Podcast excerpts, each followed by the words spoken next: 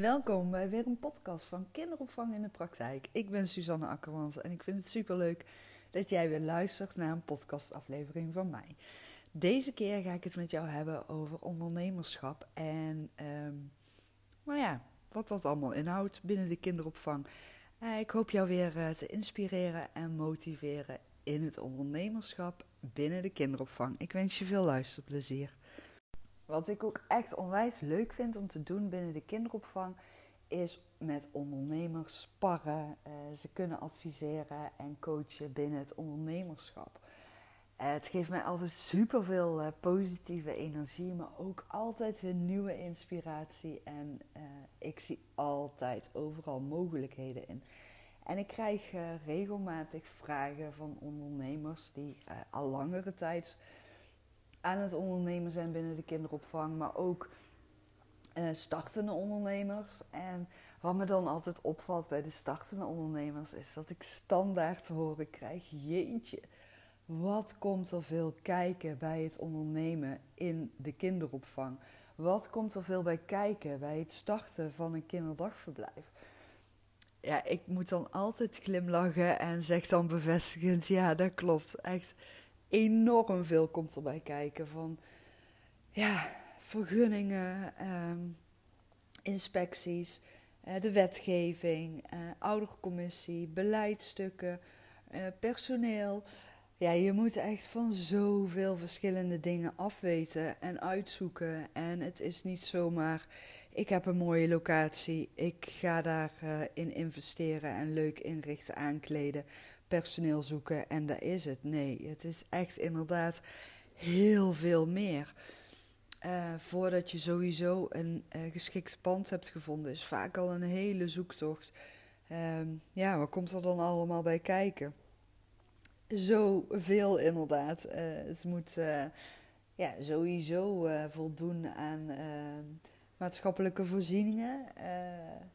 je mag niet zomaar overal in iedere locatie waarvan jij denkt van nou dit is echt geweldig, zomaar een kinderdagverblijf beginnen. Nee, eh, dan moet daar dus ook een omgevingsvergunning voor aangevraagd worden. Je moet uh, ja, met de inrichting en verbouwingen rekening houden met brandveiligheid en sowieso veiligheid, uh, gezondheid, moet je rekening mee houden, hygiëne. Uh, ja, op welke hoogte zitten ramen, waar zitten deuren, nooduitgangen, vluchtroutes, um, brandmiddelen. Nou ja, noem het maar op. En dat is alleen nog maar het gebouw. Um, nou ja, dan de inrichting. Die moet ook aan heel veel eisen voldoen. Dus als jij denkt van ja, ik heb een bepaald beeld voor ogen. Het is niet zomaar wat ik mooi en leuk vind, kan je ook in een kinderdagverblijf neer gaan zetten. Nou ja, en dan krijg je dus ook nog uh, te maken met alle beleidsstukken. Die zijn er echt gigantisch veel. en die moeten ook allemaal weer aan wetgeving voldoen. Dus je moet ook echt in die wetgeving duiken en daar van A tot Z alles van afweten of de juiste mensen voor inzetten. En uh, ja, je moet echt gaan investeren. Gigantische investeringen moet jij gaan doen voordat jij van start gaat voordat je überhaupt weet of alles goedgekeurd gaat worden, of je alle vergunningen gaat krijgen, of je de erkenning voor de kinderopvang gaat krijgen, zodat ouders ook weer in aanmerking komen voor die vergoedingen vanuit de overheid. Ja, dat is dus echt investeren voordat je zeker weet dat je ook echt van start kan gaan.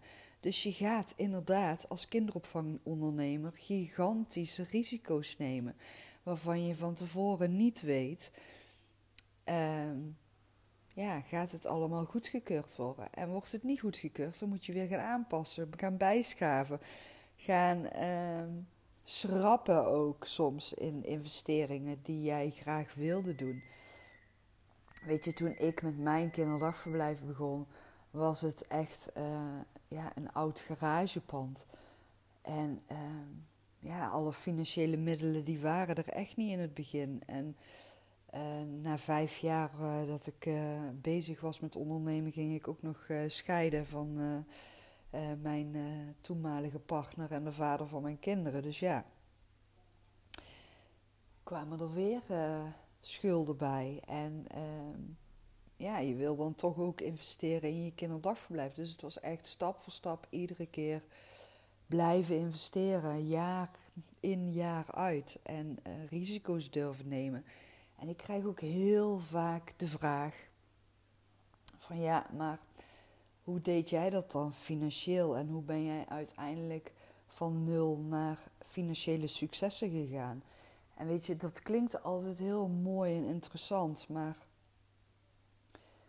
ik heb ook wel echt de ervaring opgedaan eh, dat het gaat gewoon heel erg op en af. Je hebt echt jaren met zes nullen en je hebt jaren met vijf of vier nullen. En uh, het is niet een vast gegeven van als jij uh, succesvolle jaren hebt, dat het dan altijd su succesvolle jaren blijven zijn. Want je weet ook niet wat de economie gaat doen. Je weet niet wat er gaat veranderen in de wetgeving. Ik heb zo gigantisch veel veranderingen meegemaakt binnen de kinderopvang. Ten aanzien van wetgeving. Weet je, toen ik startte uh, in 97 uh, uh, heb ik een eh, pand gevonden en heb ik mezelf ingeschreven bij de Kamer van Koophandel. Januari 98 ging het kinderdagverblijf open. Ja, toen had ik er al eh, zeven maanden ja, zeven maanden investeringen opzetten, verbouwingen opzetten. En pas een jaar later, in juni 98, kreeg ik mijn toenmalige vergunning voor de kinderopvang. Toen was ik al vijf maanden bezig met kinderopvang en dat kon toen ook nog. En uh, kijk, in de loop van de jaren is dat natuurlijk, dat hele proces is ook veranderd. Maar toen ik begon met mijn kinderdagverblijf, was er geen wet kinderopvang. Dat is pas jaren later gekomen. En uh, daar zaten zeker heel veel voordelen aan, maar ook zoveel veranderingen. En die wet kinderopvang, ja, die is volgens mij honderdduizend keer veranderd. En dan kreeg je te maken met de CAO-kinderopvang, waar ook ieder jaar veranderingen in doorgevoerd werden, die ook weer te maken hadden met jouw bedrijfsvoeringen. En die ook weer doorgevoerd moesten worden in uh, de uurprijs voor de kinderopvang. En ja, weet je, daar wist ik ook echt niks van af toen ik ging starten met het kinderdagverblijf. Daar had ik ook nooit uitleg over gehad. Dus dat is ook allemaal een zoektocht. En dan kun je wel heel leuk verkondigen van, weet je, ondernemen in de kinderopvang is uh, zoveel nullen uh, aan omzet. En dat klinkt dan altijd super interessant, maar ja, dat is niet een vast gegeven. En je moet echt bereid zijn om grote risico's te durven nemen en te durven investeren. Maar vooral geloven in jouw missie die jij gaat nastreven. En daar ook je focus op hebben. En natuurlijk, financieel moet ook alles in de juiste balans zijn. En daar moet je ook weer de juiste mensen voor hebben. Maar het is niet zo dat als jij denkt van, oh wacht even, de kinderopvang kan ik veel geld in gaan verdienen ik wil ook van uh, nul naar uh, zes uh, positieve nullen gaan. Dus ik ga maar een eigen kinderdagverblijf beginnen. En dat ga ik dan ook doen omdat ik daar echt een enorme passie voor voel. En dan zal het wel succesvol gaan zijn. Ja, zo makkelijk is het echt niet. Het is echt niet van ik doe dat wel eventjes, want ik vind het zo leuk om met kinderen te werken of ik heb zo'n groot hart voor kinderen. Nee, er komt echt oprecht enorm veel bij kijken. En ja, wat ik net al zei, die wetgeving die moet je continu in de gaten blijven houden. Uh, pardon, want die, uh, ja, die is echt zo bepalend en van zo'n grote invloed op het ondernemerschap binnen de kinderopvang. Maar ook die CAO-kinderopvang is heel bepalend. En uh, nou ja, zo zijn er dus meerdere bepalende factoren. En als jij denkt van, ja, weet je, ik heb een geweldig mooi plan voor ogen. Ja, ik zal de laatste zijn die gaat zeggen van nee, moet je niet doen. Maar ben je er wel van bewust dat er echt heel veel bij komt kijken. En het gaat ook echt heel veel van jou vragen. Het gaat echt wel jou zeker ook enorme onzekerheden geven. En ja, ik, ik heb daar heel vaak gesprekken over met uh, ja, startende ondernemers, maar ook ondernemers die al langer ondernemer zijn binnen de kinderopvang. En ik herken het bij iedere ondernemer die dan ook zegt van ja, ik kan echt wel bepaalde stress in mezelf voelen. Als er weer iets gaat veranderen in de wetgeving of als ik weer grote investeringen moet doen in onzekere tijden en hoe ga ik het dan weer terugverdienen en in hoeveel tijd ga ik het weer terugverdienen. En het is ook super belangrijk dat je daar inzicht in hebt en dat je je goed laat adviseren op financieel gebied. Maar ehm, je moet ook lef hebben. Ik heb ook heel vaak financiële adviezen gekregen van ja, Suus, dat moet je nou echt niet doen, dat is nu echt niet verstandig. En ik deed het wel. Ik had wel die lef om het wel te doen, omdat ik heilig geloofde en overtuigd was van mijn plannen. En iedere keer resulteerde het in positieve resultaten en zag ik de positieve nullen weer omhoog schieten. En dan had ik ook weer voldoende reserves opgebouwd voor als er weer een crisisjaren aankwam. En dan kon ik die crisisjaren ook weer gaan schakelen door personeel te gaan ontslaan. En weer kritisch te gaan kijken in welke kosten zijn er allemaal en waar kunnen we op gaan bezuinigen. Ja, dat leverde ook heel veel weerstand op binnen een team. Ook daar moet je dan weer je weg in vinden. En ook daar moet je dan weer eh, op de juiste manier mee om leren gaan. En nee, dat is echt niet leuk en het is niet makkelijk. En ja, je krijgt dan ook echt die weerstand van ja, maar ehm, we moeten toch die aandacht aan die kinderen kunnen blijven geven. En dan is het weer de kunst om je teamleden daar op een positieve manier in mee te nemen. En te gaan leren zien hoe zij nog steeds die persoonlijke aandacht aan de kinderen kunnen blijven geven met minder, middelen, met minder middelen en mogelijkheden. En daar weer creatief op inzetten en blijven spelen. Want voor mij is altijd in succes en in crisistijden de nummer één basisuitgangspunt was altijd mijn missie. De kwaliteit van de kinderopvang moet goed zijn. De persoonlijke aandacht voor de kinderen moet volop aanwezig zijn, ongeacht alles wat er omheen speelt. Daar heeft altijd mijn focus op gelegen. Want dat is de kwaliteit van de opvang. En ja, de ene keer hadden we wel een schoonmaakdienst die kwam schoonmaken voor ons. En ik heb al die jaren als enorme luxe ervaren. En er zijn ook jaren geweest dat we zelf moesten schoonmaken. En weet je, dat zijn keuzes die je dan heel bewust moet gaan maken. En nee, ik ben echt geen financiële ster, echt verre van. Dus ik ben ook niet de aangewezen persoon om financiële adviezen te geven aan ondernemers. Ik kan wel meedenken, ik kan meekijken, maar ik kijk dan altijd op strategisch niveau en ehm, praktisch vertaalbaar.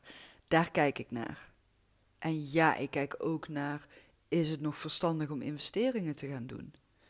Maar echte financiële expertise, die bezit ik niet.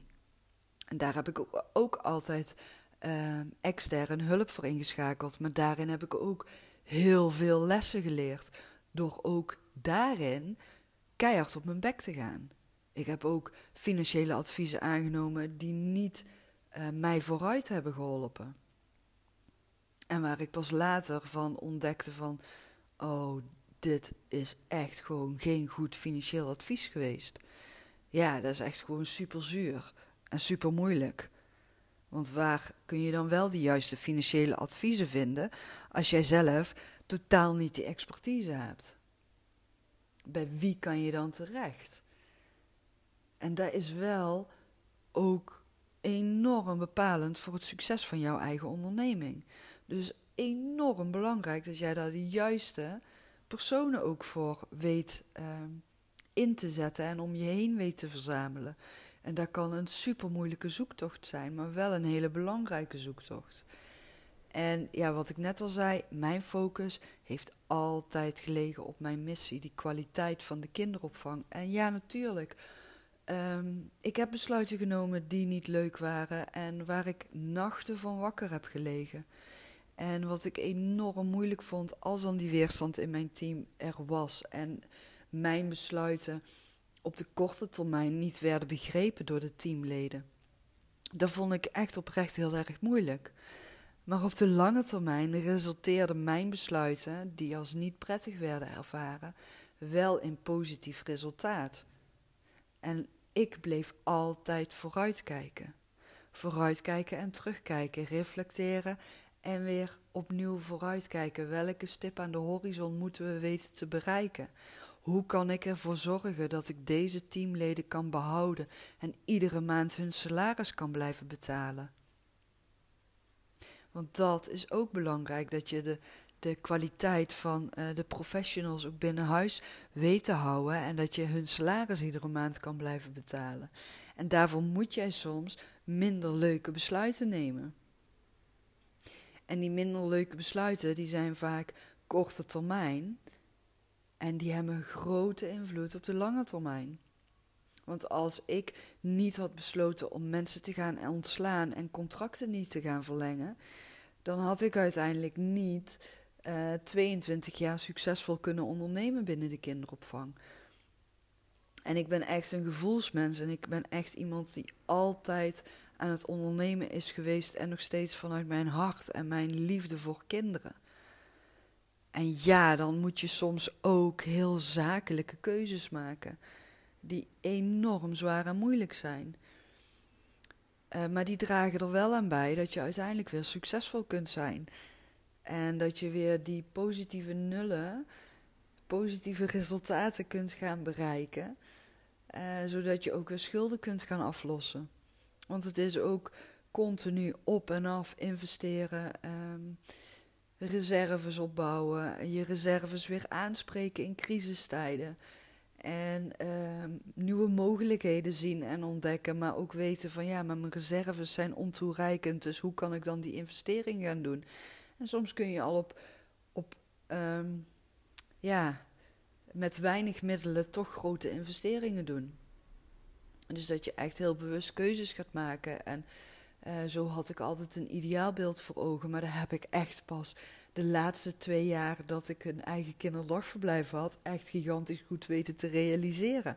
Dus daar heb ik uiteindelijk twintig jaar naartoe gewerkt om dat te kunnen realiseren.